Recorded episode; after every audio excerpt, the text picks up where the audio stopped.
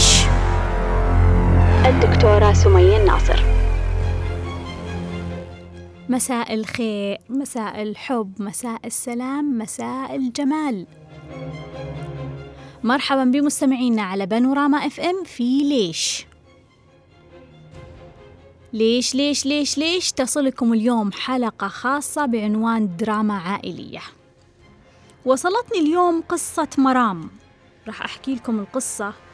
وراح نساعد مرام في الوصول لأفضل الحلول وفقا للبيئة والواقع اللي تعيش فيه الآن.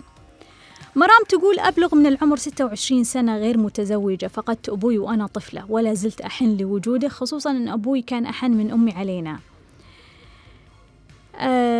تقول إحنا أربع خوات وأمي من جنسية عربية. كانت أمي أشبه بزوجة الأب بسبب تعاملها معنا منذ الطفولة. كانت تربيتها لنا مقارنة بين الخوات. هذه أحسن من هذه هذه أذكى من هذه. كانت لما تزعل على تزعل على أحد فينا خلاص تبدأ تبث الفتنة عند باقي إخواني وخواتي علشان يقاطعون اللي هي زعلانة عليه. يعني كأنها تسوي حرب على الشخص بالمقاطعة. صبرت بمرحلة الطفولة وكنت تحت ظروف ما ترحم من أمي. كانت طفولتي كلها مقارنة بين خواتي وغيرة من فلانة وضعف الثقة بالنفس وكره للذات وكره لإخواني. لأنهم أولاد ومسموح لهم كل شيء ما يسمح لنا. كبرت وصرنا نحتاج نشوف الناس والأقارب وللأسف حرمتنا أمي وصارت انطوائية وبعزلة تامة عن جميع البشر. وإذا طلعنا وشافت حرمة لبسها كويس أو كبيرة بالسن وترقص تجلس تعيب عليها سنة قدام تقول كبر جدي وتسوي نفسها صغيرة. أمي كثيرة النقد. والسلبية عايشة بالماضي أخذت من طاقتي الكثير. لأن أنا في نفس البيت معاه وغير متزوجة. مرات أكره أمي لأني عشت بجو ما هو جوي. أنا أحب الضحك والاجتماعات والفرفشة. وأمي إنسانة لديها طاقة سلبية بشكل كبير. ممنوع أستقبل صاحباتي في البيت. ممنوع أطلع. ممنوع أسوي أي شيء. إذا ما تزوجت وكل شيء مربوط وفارس أحلامي. اللي إذا جاء طيرت أمي بسبب تسلطها علي. عندي أخ كبير عمره أربعين سنة غير متزوج وعنده مرض الشك. ومتعقد أنه جميع السيدات فاسدات. وأنا إذا رحت معاه للسوق أكشفي غازل بعيونه يعني. عندنا الحريم فاسدات وإذا طلع برا يجلس يطاردهم. يطلع من الدوام وينام وبالليل يطلع مع أصحابه لين ثلاثة الفجر ويرجع مبسوط ومستانس. والله يا دكتورة عمره ما قال أطلع أهلي وأسعدهم. وصلت المرحلة أكره أهلي. كثير صرت بعزلة وانطوائية على نفسي. كثير أفكر بالموت والانتحار. سويتها مرة ونجاني الله. كنت بتخلص من جحيم أهلي اللي ما عندهم ممنوع أطلع ممنوع ألبس شيء ما يعجبهم. يا ويلي إذا كلمت بالجوال عند بالجوال عندي فراغ كبير بحياتي مرة كبير. حتى صداقة ما أعرف أسوي. كان من طموحي أتخرج من الجامعة أكمل دراستي. للأسف حرموني أهلي من مواصلة الدراسة بسبب تفكيرهم. أمي مو مكملة تعليمها. مرات أكتشف أنه أمي تغار أننا تعلمنا وهي لا. أخوي الكبير لأنه شكاك مستحيل أطلع برا الديرة وأدرس. وباقي إخواني كل واحد بديرة وعايش براحته ومتوظف ولا يسألون عن حالنا بسبب القطيعة اللي زرعتها أمي فينا. اسم إخوان بس الحال والواقع بعيد كل البعد عن وصف الأخوة. كل شخص اللهم نفسي أهم شيء عنده فلوس ومرتاح وما يحس بأحد. تعبت من حياتي وبسبب كرهي لأمي صرت بمشاكل معها كثير ولا أتحمل منها كلام. حتى تصرفاتها لما تخبي طعام بالغرفة وتقفل عليه. ولما تجيب الموية الكويسة تشرب منها هي. والموية اللي أي كلام تحطها لنا نشرب منها أو بالأحرى تخليها لي أنا والخدامة. لأن أخوي يشرب من نفس الموية اللي تشرب منها العذبة الصافية. يعني الأم تشرب موية عذبة وصافية أو نوع معين وتعطي البقية نوع آخر. أحس أمي جسد بلا ضمير ولا تفكير. تسوي الذنب والأذية للعالم بس ما يجيها تأنيب ضمير. إنها ظلمت شخص أو أذت شخص. دائما تفكير أمي وجهلها هو سبب مشاكلي معاها. ولما أزعل معها وأروح غرفتي الحياة فوق سوءها تزيدها سوء. على أمي مثلا تبدأ تقفل الأبواب علي حتى ما أطلع للحوش رغم من بيتنا ما يحتاج تقفيل مرة صغير ويجيب الكآبة. تسوي الطعام والباقي ترميه بالزبالة مو عارفة إيش رسالتي. الآن تسأل مرام تقول مو عارفة. إيش رسالتي من الحياة؟ ولا أعرف وش مخبي لي القدر. ولا أعرف أتعامل مع أمي وأخوي. أنقذيني يا دكتورة. أمي خمسة وستين سنة وأخوي أربعين سنة. وأنا توي ما أعرف الحياة. لما أجلس مع أمي أحاول أصحح من تفكيرها. تقول طبعا الأم اللي تقول أنا ما أثق بأحد. حتى بنفسي. كيف أقطع طاقتي منهم؟ كيف سلبيتهم وكلامهم ما خليه يأثر فيني؟ لأن والله أنا حساسة بقوة وأهلي ما عندي غيرهم والنصيب ما جاني لسه. هذه قصة مرام. خلونا نسمع بعض الحلول لقصة مرام. أبغى أبدأ ببداية قصة مرام لما تقول أنا فقدت أبوي. كان أحن من أمي لكنها طبعا آه، ما حكت تفاصيل عن الحياة معهم ومتى فقدته الأزمة الكبيرة اللي يعيشها كثير من الأشخاص ويعتقدون في بعض الأحيان أنه مش مهم يعني أنه يعيش بهذا التوازن توازن الأم والأب. وهذا يجعل بعض السيدات المطلقات إنها تركز على فكرة أنا أبغى أبنائي معاي في صفي وأنا أحسن من أبوهم. وما تعرف إنه الأب حتى لو كان مو أب five stars يعني مو مو جيد جدا يعني يمكن يكون أب جيد. مو جيد جدا جيد. فبالتالي وجود الأب في الحياة جدا مهم لتوازن الإنسان. وطاقة الأنوثة اللي موجودة عند أم مرام شفتوا طاقة الأنوثة كيف يعني حاست الدنيا كلها كيف الوحدة كيف المشاعر الفوضوية والعاطفية كيف الخوف كلها يعني أمها مليئة بالأنوثة يعني مليانة أنثى يعني يمكن نسبة أنوثتها 90% ولا 100% ما عندها القدرة على أنها توازن هذه الأنوثة. وت... يعني فقدان الأب أثر كثيرا على طاقة العائلة. إن ما في ذكورة في العائلة في هذه الفوضى اللي هم قاعدين فيها.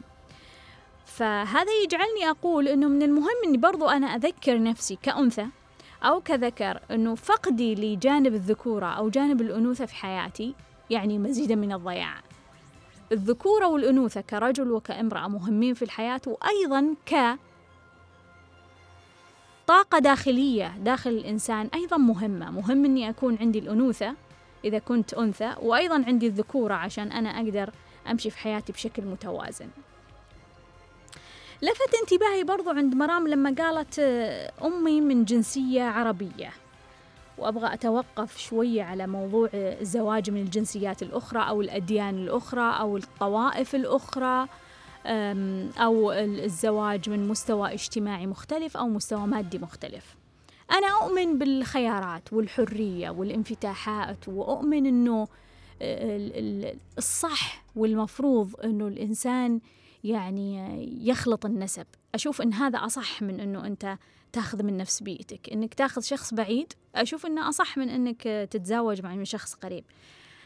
تاخذ من من شخص مختلف عنك بالنسبة لي أشوفها أصح للتطوير البشرية لتطوير البشرية أنها أصح. لكن مو كل الناس جاهزين لهذا المستوى. مو كل شخص يقدر ياخذ من غير جنسيته مو كل شخص. مو كل شخص يقدر ياخذ من غير ديانته. مو كل شخص يقدر ياخذ من غير الطائفة اللي ينتمي لها. يعني يمكن بنت تاخذ من طائفة غير طائفتها يوه يعني تصير حرب وكأن يوم القيامة قامت كأن في صح وتظل المشكلة والأزمة جوا الزوجين وبعدين يتطور الموضوع للأبناء وبعدين تتفكك الأسرة عشان قرار غلط. عشان فكرة في الأساس غلط. هل نعني أنه غلط أنك تتزوج من غير طائفتك؟ لا.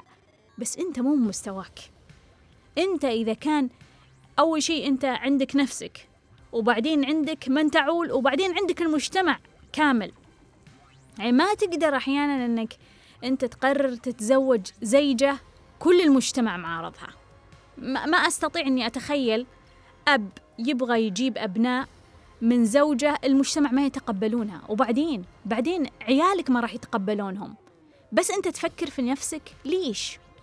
ليش هي الفكرة صح بس في هذا الوقت وفي هذا الزمان وفي هذا المكان اللي أنت فيه اللي المجتمع قد ما يتقبل الزواج من طائفة أخرى وقد ما يتقبل الزواج من دين آخر أو قد ما يتقبل من جنسية أخرى ليش تورط عيالك؟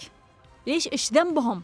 أنت تعرف إيش الأبعاد النفسية والمادية والاجتماعية الكون بكرة عيالك يعيشون هذا الشعور؟ يقولون أمكم أنتم من الجنسية الفلانية أو أمكم من الدين الفلاني. أي أمكم اللي على قد حالها اللي جايبينها من البيت الفلاني. وأنت يعني أنت يعني شخص طالع من قصر وتزوجتها مسكينة على قد حالها. كيف تتوقع؟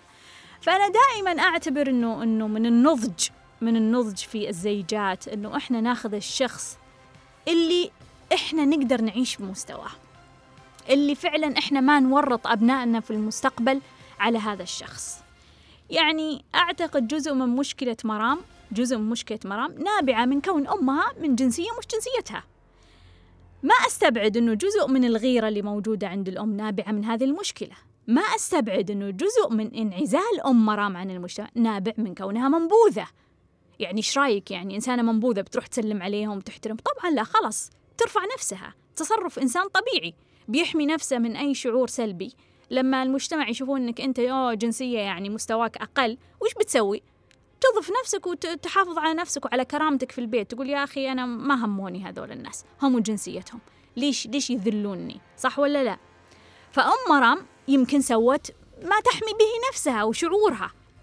لكن النتيجة ويش النتيجة أبنائها وبناتها إنها ما خلطتهم في المجتمع. هذا الضرر النتيجة اللي صارت. فأنا أعتقد إنه جزء من الضرر نشأ من كونها من جنسية مش جنسية أبنائها. برضو في أزمة كبيرة وهي المقارنة بين الأطفال. أنه فلانة أذكى فلانة أحسن فلانة أشطر. وعلى فكرة الغيرة برنامج وفي الغالب هو ينشأ من الطفولة. ينشأ من الطفولة من مثل هذه المواقف. من مثل مواقف أم مرام لما أمك أو أبوك أو شخص مهم وأنت صغير يقولك إيه فلان أحسن منك فلان أذكى منك. ليش ما تصير مثل فلان؟ اجتهد مثل فلان شوف إيش سوى شوف إيش جاب درجات شوف شلون هو شاطر في الموضوع الفلاني شوف شلون ذكي في القصة الفلانية شوف شلون هو مؤدب. فأنت تقوم تعاند تصير كسلان أكثر أو تصير غير مؤدب أكثر. الطفل وش يسوي؟ لازم يثبت أنه هو ما يخضع لهذه الفكرة. أو يحاول بتطرف أنه يكون أفضل من الشخص الفلاني وبطبيعة الحال راح يكره أو ياخذ موقف من الأشخاص الثانيين. بس بالطريقة هذه إحنا أنشأنا سيستم ونظام داخل هذا الإنسان إنه دائما في شخص أحسن منك وهذا في إهانة لك. بينما الشخص الطبيعي اللي ما دخل عنده هذا النظام إنه نعم دائما في شخص أحسن منك ودائما في شخص أسوأ منك بس عادي ما يضرك. ما يضرك عادي يعني الناس قدرات وأشكال وألوان. أنت أحسن يمكن في الجمال هم أحسن في الذكاء. أنت أحسن في الصحة هم أحسن في المال. يعني عادي أنت تصير أحسن مرة تصير أسوأ مرة. فلازم تفكر دائما إنه أنت مثلك مثل غيرك. في أحسن منك وفي أسوأ منك. أنت ما أنت أسوأ شيء ولا أحسن شيء. بس تفوق أحد ما يضرك ولا بشعره. ما يأثر على ثقتك بنفسك تفوق أحد. تفوق أحد مقبول لك. ما يضرك أنه في أحد متفوق. ولا يجعلك مغرور أنه في أحد فاشل. فأنت مكتفي بنفسك. ما تحتاج أنك أنت تشوف شخص عشان يكون هو المحرك بالنسبة لك. لا. ما يحتاج أنت تتنافس مع شخص عشان يكون هو المحرك بالنسبة لك. وهذه الأزمة اللي تورطت فيها مرام وقد تكون أصلا أم مرام متورطة فيها ليش هي أصلا سوت هذه الحركة أم مرام؟ ليش ربت أبنائها بهذه الطريقة؟ ليش الأم أو الأب يربون أبنائهم بهذه الطريقة؟ شوف فلان شوف فلانة ليش؟ لأنه في الأساس هم يعرفون هذا محرك فمعناه هو أصلا عندهم بالتالي هم تورطوا فيه من الطفولة فهي ما تصرفت كأم بالغة هي تصرفت كطفلة قاعدة تقول لأبنائها شوفي هذه أذكى شوفي هذه أحسن منك. وتحاول أنها تزرع فيهم هذا الشعور السيء اللي نقدر نسميه الغيرة والألم من نجاح الآخرين والفخر بعدم نجاح الآخرين. لاحظ لاحظ وين تودينا الغيرة؟ أنه أنا فرحان أنه ما في أحد نجح ومتألم أنه في أحد نجح غيري. فهذه أزمة. برضو الطريقة اللي كانت تستخدمها أم مرام مقاطعة الطفل الزعلانة منه. يعني زعلانة من واحد لا ما تكتفي إنها تزعل منه وتعاقبه نفسيا لا. تسوي يعني عقاب مبالغ فيه بحيث عندها سياسة النبذ من المجموعة. وهي سياسة هذه يعني سياسة خطيرة جدا. سياسة خطيرة يعني إنسان ينبذ من مجموعة يعني أنت وصلت لأقصى درجات التدمير النفسي. وما يسوي هذه الحركة إلا إنسان يعني فعلا مدمر يرغب بتدمير الآخرين. فما بالك إذا كان طفل؟ فما بالك إذا يعني كأنها أم فعلا تريد تدمير أبنائها. يعني كلكم قاطعوا لي أن أنا زعلت عليه. ليش؟ ليش؟ مفروض أن نعلم الطفل خطأ. ممكن تزعل عليه شوية يمكن ساعة يمكن نص يوم. بس مو أكثر من كذا. فهذه الخطوة خطوة أقدر أقول إنه أم مرام كانت يعني راحت لقسوة مبالغ فيها. جيد إنه ما سمعنا أن أم مرام عندها ضرب ولا حرق ولا أي سلوك من هذا السلوك لكن السلوك برضو الألم النفسي جدا كبير المقاطعة جدا كبيرة. مرام كانت تقول إنه بالنسبة لأمها وهذه التربية كانت الأولاد مسموح لهم وتمشي لهم ومقبول أشياء منهم والبنات لا. وأنا أقول إنه الأم اللي تقوم بهذا السلوك أنوثتها مضطربة أنوثتها مضطربة لأنها دائما تشعر أنه هي كأنثى يعني جنس من الدرجة الثانية مش من الدرجة الأولى. فبالتالي هي تعطي خمس نجوم لأبنائها وتعطي بناتها نجمة أو ولا نجمة. وتظل بهذه الطريقة تذكر نفسها أنها هي نجمة أنها هي مو خمس نجوم. أنه الرجل أو الذكورة بالنسبة لها هي الخمس نجوم. بس الأنوثة نجمة. الأنثى المضطربة دائما راح تهين بناتها وتشعرهم بالعار وتشعرهم بأنهم أقل من مستوى أبنائها أو من مستوى الأولاد. الأنثى المضطربة راح تمارس كل أنوثتها المضطربة على بناتها مو على أولادها على بناتها. وفي الغالب راح تخلي أيضا أولادها يمارسون شيء من التجبر على بناتها.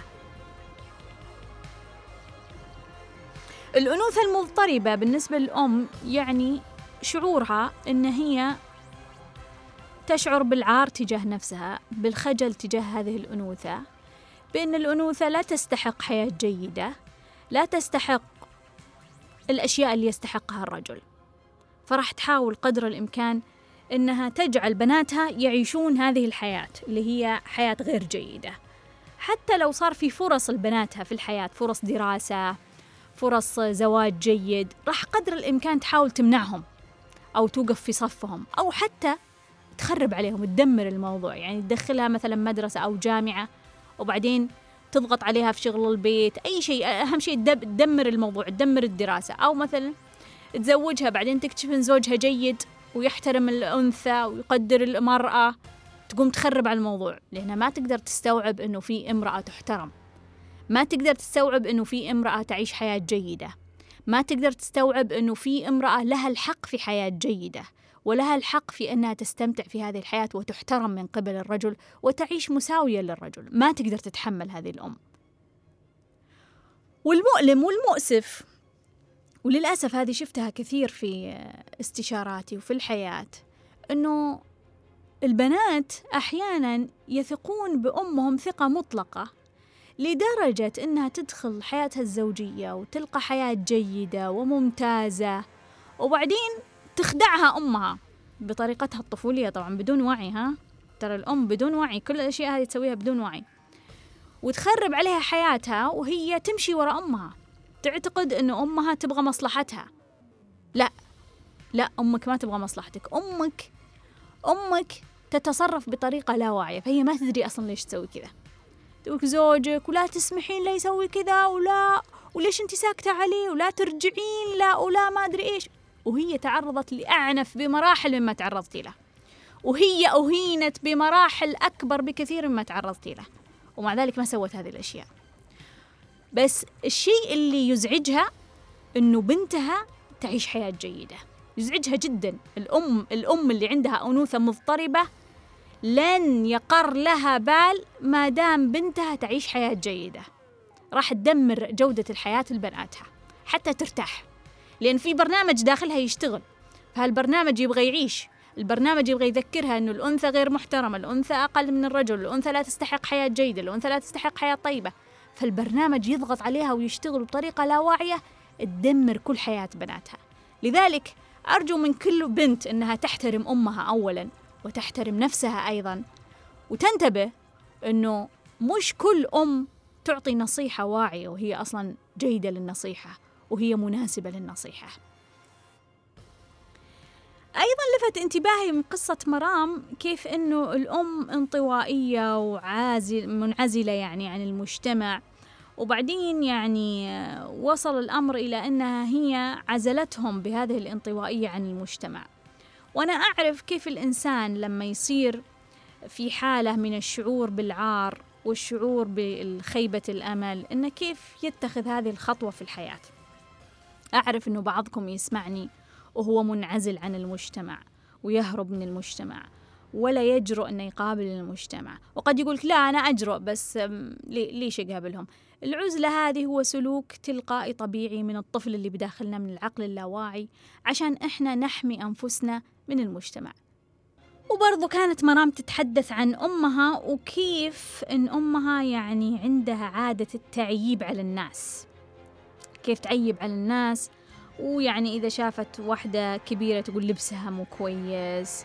وتقول لك إيش يعني امرأة ترقص تقول لها يعني هذه كم عمرها وهي ترقص. وعلى ما يبدو اللي كتبت لي مرام كلها تعليقات على سيدات. وعلى ما يبدو أن هذا أيضا يرجع لأنوثة مضطربة أنه هي ما تتحمل تشوف آه، امرأة متلبسة أو متضبطة أو متشببة أو أنثى يعني سعيدة بنفسها حتى لو كانت عجوزة عادي سعيدة بنفسها آه، تشعر بأنوثتها آه، ترقص تستمتع بالحياة لا يضايقها هذا الشيء. على ما يبدو أنه كل الموضوع أيضا مرتبط بأزمة الأنوثة اللي عندها واضطراب الأنوثة اللي عندها.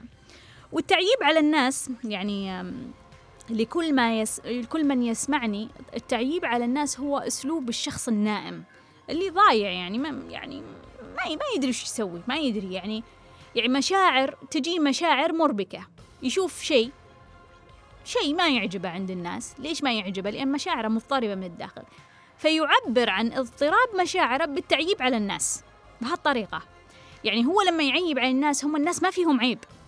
الناس ما فيهم عيب. هو انعكاس لشعوره الداخلي تجاه نفسه لشعوره بالعيب تجاه نفسه. أكثر واحد يقول للناس عيب هو اللي مليان بالعيب من جوا. لا تنسى هذا الشيء. أكثر واحد يقول للناس عيب هو أكثر واحد خجلان من نفسه من الداخل. يشعر بأنه مليان عيوب من الداخل. متأنب لآخر قطرة ويريد أن ينقل هذا التأنيب لكل الأشخاص الآخرين. الشخص الواعي الناضج هو يحتوي الآخرين حتى لو اعتبر أن هذا عيب. مع أن صعب صعب شخص واعي وناضج يعتبر شيء عيب. صعب. دائما بيشوف لها تفسير. ودائما يحتوي الناس. الشخص الواعي يحتوي الناس ويتفهمهم يتفهم سلوكهم يتفهم طريقتهم في الحياة رؤيتهم في الحياة يتفهم أنه الناس مختلفين عنه أنه الناس يعني لهم أشكال ووجهات نظر وسلوكيات مختلفة تماما عن سلوكياته هو وعن أفكاره وعن وجهة نظره لذلك هو طوال الوقت ما ما يستطيع إنه يشوف العيب من سلوكيات الناس أو أفكارهم أو وجهات نظرهم. اللي وعي عنده وعي منخفض ويتصرف كطفل وضايع ونائم دائما يعاير الآخرين ويعيبهم ودائما عنده جواب واحد لكل سؤال وعنده صح ومليون غلط. الصح واحد والغلط مليون. بخلاف شخص لما يكون واعي وفاهم وناضج ويحتوي الناس عنده الصح لا نهائي لا نهائي. كل شيء يسوون الناس مقبول ماشي يحتويهم يتقبلهم لكن في نفس الوقت يحمي نفسه. ما يسمح للناس إنهم يضرونه بس ما دام هم يسوون أشياء لأنفسهم يتقبلهم. الأكثر نضجا والأكثر وعيا هو اللي يحتوي الأقل نضجا والأقل وعيا. تقول مرام إنه أمها عايشة في الماضي. وقد تكون الماضي هذه هو إنها عايشة مع فترة وجود الأب. أو يكون مع أهلها مثلا.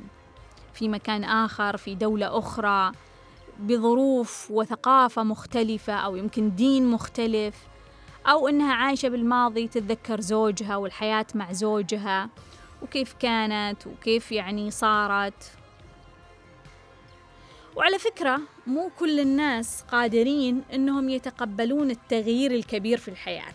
لذلك خليك منتبه.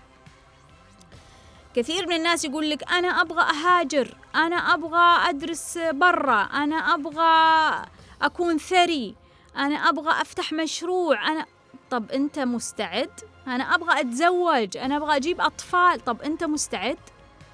تغيرات الحياة الكبيرة اللي هي مثلا زواج طلاق دخول جامعة تخرج وظيفة أول وظيفة أطفال هجرة كل هذه التغييرات الكبيرة افتتاح مشروع هذه تغييرات كبيرة في الحياة. كثير من الناس ترى ما يقدرون يتحملونها ما يقدرون يتحملونها. يعني مو كل الناس تقدر تتحمل إنها هي زي السيدة هذه اللي هي أم مرام إنها تترك بلدها وتروح تتزوج من واحد جنسية أخرى ثقافة أخرى يمكن حتى دين آخر يمكن مذهب آخر.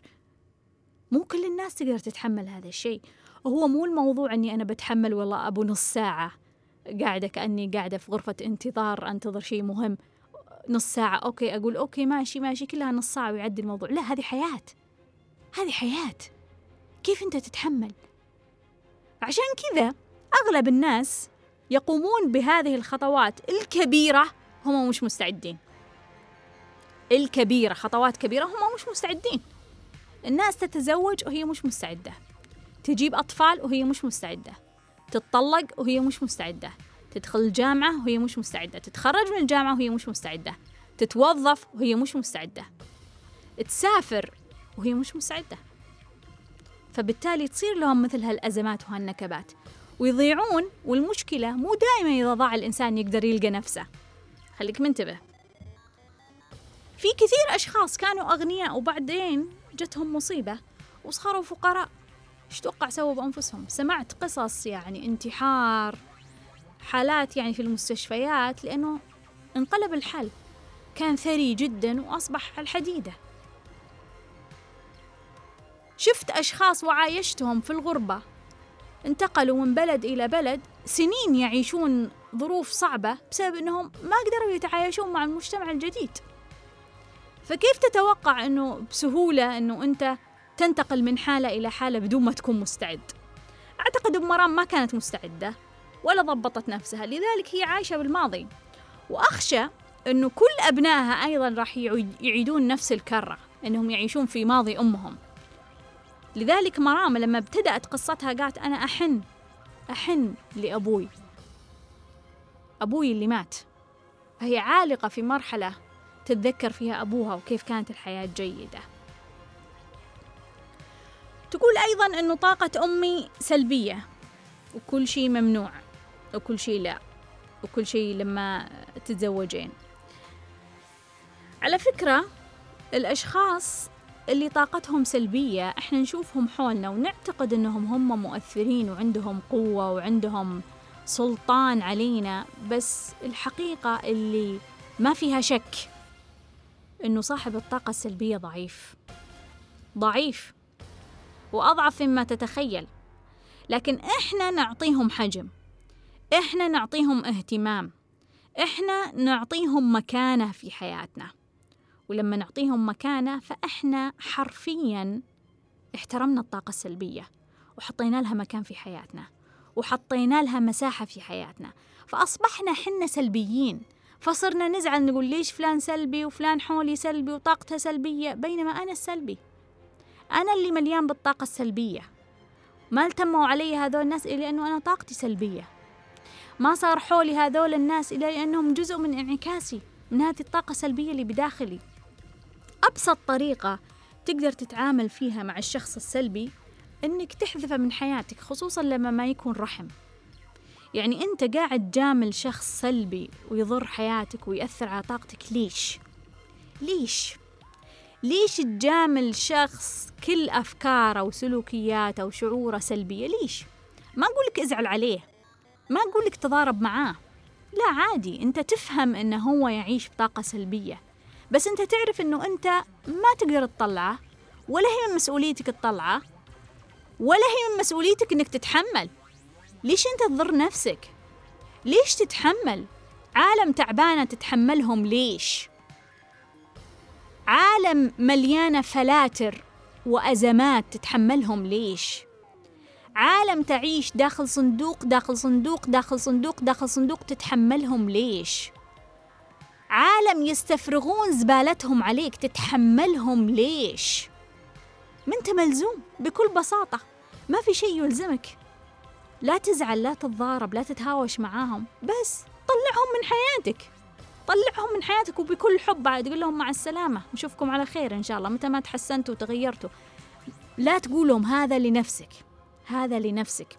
إنك أنت تضع قاعدة في حياتك إنك ما تتحمل أي شخص سلبي. لأنه أنت غالي وحياتك غالية وروحك غالية. وأنت روح طيبة تستحق حياة طيبة.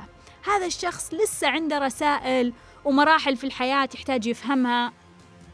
وإذا فهمها راح تقابله في يوم ما وراح يستحق وقتك وقتها راح يستحق وقتك. مرام أحب أقول لك إنه ما أبغاك كثير تحطين إنه أمك طاقتها سلبية لأنه ألمح برضو منك إنه أنت عندك هذا الشعور السلبي. أنت أنت يوم من الأيام فكرتي تنتحرين فمعناها إنه أنت فعلا تعيشين هذا الشعور السلبي. فأنت تورطتي بطاقتها أنت يعني تقبلتي كل طاقتها وسحبتي كل طاقتها أنت ما حميتي نفسك منها. فبالتالي أبغاك توقفين عن الشعور بأنها هي طاقتها سلبية لا البيت خلاص كله تورط في هذه الطاقة. مرام تقول كل شيء مربوط بفارس الأحلام. فارس الأحلام. يا جماعة أبغى أتكلم لكل أم وأقول لها اتق الله. إذا ك... إذا كنت تعترفين بأنه في الله حرام اللي تسوينه ببناتك لما تقولين لما تتزوجين. حرام. والله حرام أنه أنت يعني تعلمين هذه البنت قد إيش هي ما تسوى شيء وما لها قيمة إلا بفارس الأحلام. وفارس الأحلام هو اللي بيجي ومثل يعني مصباح علاء الدين اللي مطلوب منه يسوي لها كل شيء مع أنه مو مطلوب منه شيء. حرام تدمرين مستقبل بنتك. تدمرينه حرفيا لما تقولين لها إن شاء الله إذا تزوجتي تسوين هذه الأشياء. لما يجي فارس الأحلام إن شاء الله أسألي هذه الأشياء أطلبي منه هذه الأشياء. فالبنت راح تتبرمج على فكرة أول شيء إنه اللي يطق الباب بقبل وامشي. ففي احتمالية كبيرة إنه البنات هذولا اللي سمعوا هذا الكلام راح يختارون اختيارات غلط. لأنهم راح يهربون من بيت العائلة. بأسرع طريقة عشان تحقق هي أحلامها وأفكارها والحياة اللي هي تبغاها. الاحتمال الثاني إذا قالت لا والله بنتقي. وبتروى وبختار هذه الواعية منهم. لما يجي هذا الرجل ما هم هم قايلين لها مدرسينها من يوم هي صغيرة إنه هذا الرجل هو مصباح علاء الدين. مدرسينها مية مرة إنه هذا الرجل هو مصباح علاء الدين. شبيك لبيك أنا فلما تدخل على هذا الرجل أوه أبغى وأبغى ودني وجبني وأفعل. الرجل ينصدم يا جماعة ينصدم يعني إيه، وش البنات هذولا؟ وش قصتهم؟ يعني واحد من الشباب كان يقول كل ما تزوجت واحدة يعني يعني قوائم قوائم من الطلبات وقوائم من الأحلام أنا أنا مطلوب مني أحقق أحلامها وأحقق رغباتها وأعيشها في مستوى و و ليش؟ ليش يا بنات؟ ليش يا أمهات؟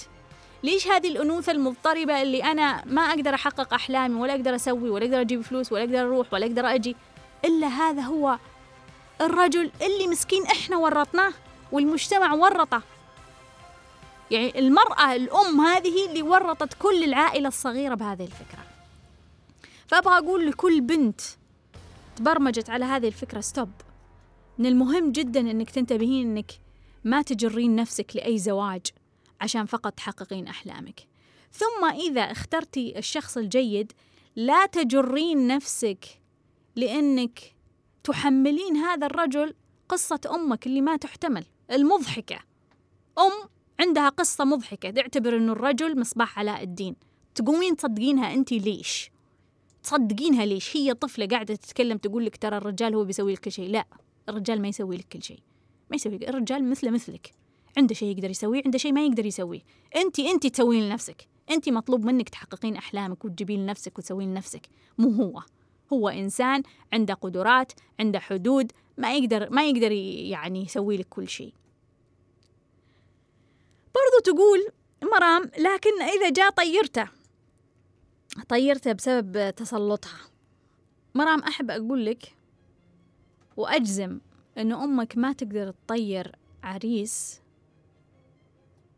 أنت في العمق ناويته لكن المشكلة عندنا في اضطراب النوايا. خليني أقول لك إذا كانت الأم عندها نية أنه أنت ما تتزوجين فبالتالي نيتها راح تكون تشتغل. فأنت إذا كنتي خايفة فتسحبين نيتك بطريقة لا واعية منك تقولين لا أتزوج بعدين أخاف يصير كذا وأخاف يصير كذا. فأحب أقول لك ركزي ركزي وضعي نية زواج ورغبة واضحة بأنك أنت تتزوجين زواج جيد. عشان وقتها يجي الشخص اللي يكون مقنع بالنسبة لأمك. حتى لو كانت هي مقتنعة راح تقتنع لأنه الشخص يكون مختلف. فأرجوك مرام حطي نية واضحة قوية أنه أنا أستعد الآن للزواج وأنا أرغب بالزواج. وأنا نيتي قوية وواضحة مهما كانت نية أمي ومهما كانت نية الأشخاص اللي حولي. وأرجع تقول آه، تتكلم عن أخوها تقول عمره ما قال أطلعي. آه، عمره ما قال أطلع أهلي أسعدهم أسوي لهم شيء. مرام مرام أنت منتظرة كثير. منتظرة كثير. هو هو هذا اللي تربى عليه. هو هذا اللي تدرس هذا اللي تبرمج. هذا اللي تعلم. كيف تتوقعين إنه ممكن يعطي هو ما تعلم العطاء؟ كيف؟ كيف؟ أي شخص ما تعلم العطاء يحتاج أنه ينظف نفسه ويشيل كثير من الفلاتر ويطلع من كثير من الصناديق عشان يصل إلى مرحلة التوازن يقدر يعطي وياخذ. لكن أخوك بعيد تماما عن هذه الفكرة. أحب أقول كل مرام. والكل شخص قاعد ينتظر من أخوه أو أخته أو جيرانهم أو حتى أصدقائهم شيء. لا تنتظر. لا تنتظر. ولا تزعل. لا تزعل. لأنه ما تقدر تفهم الناس أنهم يعطون إذا هم ما يقدرون يفهمون. أنت قد ما تستطيع تفهم الظروف اللي مروا فيها الصناديق اللي يعيشونها الفلاتر اللي يقاتلون من أجلها المفاهيم والمعتقدات اللي تورطوا فيها منتظر إيش؟ منتظر إيش؟ أغلب الناس تربوا على الأنانية وتربوا على أنهم يحاولون فقط يحمون أنفسهم بسبب سوء التربية اللي تعرضوا لها لأنهم شافوا وعاشوا مع كثير من الأشخاص الأنانيين فإيش تتوقع منهم؟ لأن ما حد رباهم على هذا الشيء لا تزعل. لا تنتظر. تخلص. اقطع علاقتك علائقك بالناس. مش علاقتك اقطع علائقك بالناس. إنك تنتظر من أحد شيء. لا تنتظر. لا تنتظر من أحد شيء. الشخص الضعيف الغير ناضج الطفل هو اللي يشحت. واللي منتظر هو يشحت أيضا. إذا أنت تنتظر أنا أعتبرك شحات. أنت تنتظر مشاعر تنتظر فلوس تنتظر مساعدة تنتظر دعم تنتظر تصفيق تنتظر تأييد من شخص من أحد مهما كان هذا الأحد حتى لو كان أخوك أو أختك أمك أو أبوك. أنت نايم أنت ضعيف أنت ضايع أرجوك استيقظ. لا تنتظر من أحد شيء. إذا فعلا أنت تؤمن أنه أنت تستحق حياة طيبة لا تنتظر من أحد شيء. الأشخاص اللي يؤمنون بأنفسهم وشجعان ويعرفون أنهم يستحقون حياة طيبة ما ينتظرون من أحد شيء لأنهم هم يصنعون حياتهم بأنفسهم. تقول مرام أنه صرت أكرههم أكره هذه العائلة وصار عندي عزلة وانطوائية. طبيعي. ردة فعل طبيعية لكن أعتقد أنها أيضا فلاتر بمعنى أنه لو حسنتي من واقعك ومن نفسك راح ترجعين تحبينهم. راح ترجعين تشوفين للزاوية الجمال فيهم. مع سوءهم راح تشوفين هذه الزاوية إذا إذا تنظفتي من كل اللخبطة اللي عندك. وصار عندي عزلة وانطواء أكيد. طبيعي أنت تحمين نفسك يا مرام. ولا أحد يلومك على هذه العزلة والانطواء. أحد يتعرض للضغط اللي أنت تعرضين فيه ويكون يعني يطلع ويكون طبيعي؟ طبعا لا. طبعا لا هذا أقل شيء تسويه أنك أنت تحمين نفسك من هذه الطاقة السلبية ومن هذا الشعور السلبي ومن هذا الكلام السلبي. أفكر في الانتحار ولكن نجاني الله. مرام مرام أحب أقولك والكل شخص يفكر في الانتحار. ما في أحد يستحق. ما في أحد يستحق أنك تنتحر عشانه. إذا أنت متضايق من الناس اللي حولك من الظروف طز فيهم وطز في كل الظروف. أنت روح طيبة تستحق حياة طيبة. ليش تضيع هذه الفرصة عليك؟ ليش تضيع هذه الحياة عليك؟ مرام الحياة جميلة. الحياة مليئة بالجمال والحب والسلام. لا تسمعين لهم. لا تناظرينهم. لا تسمحين لهم إنهم يأثرون عليك. أنت قوية أنت قادرة. أنت تستطيعين إنك تؤسسين حياة لك. حياة جميلة جيدة رائعة ممتازة متفوقة. تبغين أحدثك عن مئات الأشخاص اللي سمعت قصصهم. كانوا بينتحرون وحاولوا ينتحرون. وجربوا وعرفوا فقط لأنهم قرروا ونووا. فقط لأنهم قرروا ونووا. ما انتظروا من أحد شيء. مرام مرام أنت روح طيبة تستحقين حياة طيبة. لا تنتظرين من أحد شيء. ما في أحد بيعطيك شيء. أنت عندك كل الأدوات. أنوي وقرري. أوعدك أنه الحياة راح تكون جيدة وجميلة. أوعدك إذا نويتي وقررتي كل شيء في الكون إذا نويتي يترتب لك. أوعدك أنه إذا نويتي كل شيء في الكون راح يترتب لك. ما في أحد راح يوقف بوجهك أمك أختك أخوك خالك عمك جدك ما في أحد. هذول ولا شيء أمام نية شخص مؤمن أمام نية شخص مركز أمام نية شخص يحمي نفسه من كل الناس النايمة والمريضة والأطفال اللي حوله. مرام أنت قدها وتستحقين هذه الحياة. تقول إنه أهلي حرموني من مواصلة الدراسة. شوفي مرام يعني أنا إلى هذه اللحظة وأنا قاعدة أجامل وأقول إيه أمك وكذا sto... لا هنا stop stop لا هنا في قانون. مرام مرام هنا في قانون لا يحق لهم إنهم يمنعونك من الدراسة. لا يحق لهم إنهم يمنعونك من الدراسة. تقدرين انت تروحين وترفعين قضية في المحكمة وتطلبين من الشيخ وتقولين أنا مظلومة. وإذا فعلا ثبت إنه انت العريس اللي جاك أو الخاطب اللي جاك إنه فعلا في عضل مع إني أنا أقول يمكن بدري على هذا الأمر لكن على الأقل الدراسة بالنسبة لنا واضح إنه أنت انظلمتي في موضوع الدراسة لا تسكتين. أنت شجاعة يا مرام. لا تسكتين. روحي المحكمة وطالبي بحقك. طالبي قولي أمي منعتني من الدراسة. أخوي منعني من الدراسة. خلي القاضي يبت في الأمر. خليه يحسم هذا الموضوع. خليه يعطيهم ويلزمهم قرار من المحكمة أنه أنت تدرسين. لا هنا هنا stop هنا stop وأنا أدعو كل بنت. أهلها يمنعونها من الدراسة أنها تروح المحكمة. القانون يحميك. ما يحق لأي أم وأب عشان وجهة نظرهم أو عشان هم شاكين أو عشان هم مو مقتنعين أنهم يمنعونك من الدراسة. لا مش مسموح. مش مسموح لأي أم وأب أنهم يتلاعبون بحياة أطفالهم. مش مسموح. إذا أنت أم وأب طفل أنت. أنت طفل لا تستحق أنك تربي أصلا الناس. لا تستحق تربي هذول الأطفال اللي عندك. أدعو كل بنت عندها أم وأب يمنعونها من الدراسة أو أخ يمنعها من الدراسة أنها تروح للمحكمة أنها تطالب بحقها أنها ما تسكت على هذا الظلم ما تسكت على هذا التعدي. إحنا في دولة فيها قانون ولا بد أنكم تأخذون حقوقكم. وبالقانون تأخذون حقوقكم. بالقانون بالنظام تأخذون حقوقكم. والمحكمة تلزمها إنها هي تدرسك إنها هي تسمح لك إنك تدرسين. برضو مرام تقول كل واحد عايش بديرة طبيعي طبيعي هروب طبيعي حماية للذات. تخبي الطعام والموية الممتازة وتعطيني أنا والشغاء والله مرام يعني يعجز اللسان عن التعليق عن هذه الفقرة صراحة. صراحة يعني أشعر بالخجل إنه إنه هي تمارس هذا الدور.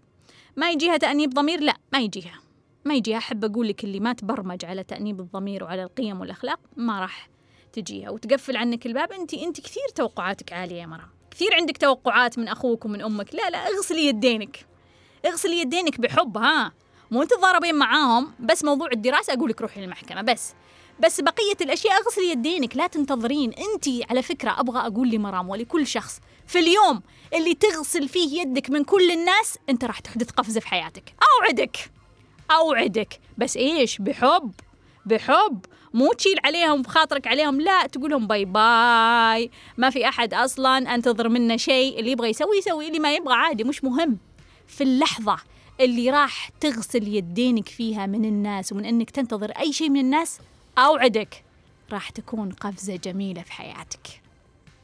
أنت تستحق. تسأل مرام إيش رسالتي في الحياة. مرام مو مهم إنك تعرفين رسالتك حاليا. قد ما نستطيع إن نعرفها بسبب الظروف والفوضى اللي أنت عايشة فيها. المهم إنك تكوني مرتاحة. المهم إنك تكوني مبسوطة. المهم إنك تعيشين حياة كريمة. المهم إنك تزيلين الكثير من الفلاتر والصناديق اللي أنت متورطة فيها عشان تفهمين ذاتك. يعني عشان الشخص يفهم رسالته في الحياة يحتاج لا يمكن وقت طويل عشان يكنس كل هالأشياء اللي مر فيها يفكفك المعتقدات والمفاهيم والفلاتر ويكسر الصناديق. فبالتالي الحياة الجيدة أهم من إني أنا أفهم الرسالة. صراحة صراحة إذا أنا في ظروف صعبة بفكر يعني إذا أنا في ظروف قاهرة جدا بفكر آكل واشرب. ما راح أقول وش رسالتي. أهم شيء عندي إني آكل واشرب إني أعيش. المرحلة اللي بعدها أوكي أهم شيء إني أعيش بأمان بحياة جيدة. يعني انت انت عندك شوية مشكلة حتى في الأمان.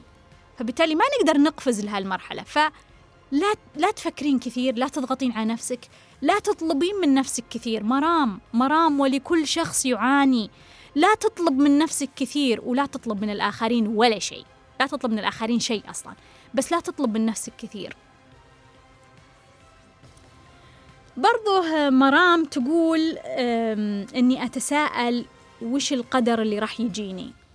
أبغى أقول لك إيش القدر اللي راح يجيك وأنا متأكدة من هذا القدر حسب ظنك بكل بساطة. القدر هو حسب ظنك أنا عند ظن عبدي بي بدون أدنى شك يا مرام. لذلك أنا يهمني إنك تطلعين من هذه التجربة بشعور جيد. شعور جيد نوايا قوية بالنسبة لنا هذه كثير راح تغير في حياتك. إنك تشعرين بشعور جيد تحمين نفسك من المشاعر والطاقة السلبية اللي حولك بشعور جيد. طوال الوقت زائد إنه أنت تظنين خير في المستقبل زائد تروحين للمحكمة وتطالبين بحقك في الدراسة.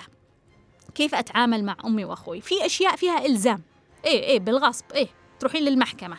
إذا كان في عضل زواج إذا كان في مشكلة في الدراسة. هذه بالغصب. هذه قد نعتبرها مواجهة قد نعتبرها اعتراض قد نعت... قضية محكمة. روحي وهذه هذا تعامل في أحد الزوايا. في زاوية ثانية تجاهل. ما كأنك تشوفين شيء. سلوكهم السلبي كلام قفلت الباب ما قفلت الباب ما سوي نفسك ما شفتي. اعتبري إنه في طفلة قاعدة تأدي هذا الدور سوي نفسك ما شفتي. أيضا عندي زاوية ثالثة أبغاك تأكدين منها من موضوع التعامل مع أمك وأخوك إنك ما تنتظرين منهم شيء وهذه جدا مهمة بالنسبة لي يا مرام. لو طلعتي من هذه التجربة بهذه الفكرة بس أعتبر إنه انت تطورتي كثير. فما بالك لو معاها في نية لو معاها فيها حفاظ على طاقتك الإيجابية لو معاها رحتي المحكمة راح يكون عندك تغييرات كثيرة. لا تحاولين إصلاحهم لأنه ما في شخص مستعد للإصلاح. كل شخص هو يصلح نفسه بنفسه. كيف سلبيتهم ما تأثر فيني؟ اشتغلي. حاولي توجدين استقلال مالي بأي طريقة. آه، أعتقد أنه أنت موجودة في غرفتك معك جوال عندك إيميل عشان كذا أنت راسلتيني. طلعي فلوس من الإنترنت. أعتقد أنك ذكية وتقدرين تطلعين كثير من الأموال من خلال الإنترنت. عززي ثقتك كل يوم صفقي لنفسك لا تنتظرين شيء من أحد. احمي نفسك من خلال بعض التمارين تخيلي إنه قدامك إسفنج قدامك زجاج بلورة زجاجية بحيث إنه أي كلام يقولونه ما تتأثرين فيه. ركزي ركزي يا مرام في أنك تاخذين حقك بالمواجهة في المحكمة بالأشياء المهمة تتجاهلينهم في الأشياء اللي ما تقدرين تغيرينها ما تتجاهلين رغبتك في تغييرهم أيضا لا تنتظرين منهم أحد لا تنتظرين منهم شيء. أتمنى تكونوا استفدتوا واستمتعتوا من الدراما العائلية ومن ليش لهذا اليوم. وتذكروا الدنيا خضرة حلوة. إلى اللقاء.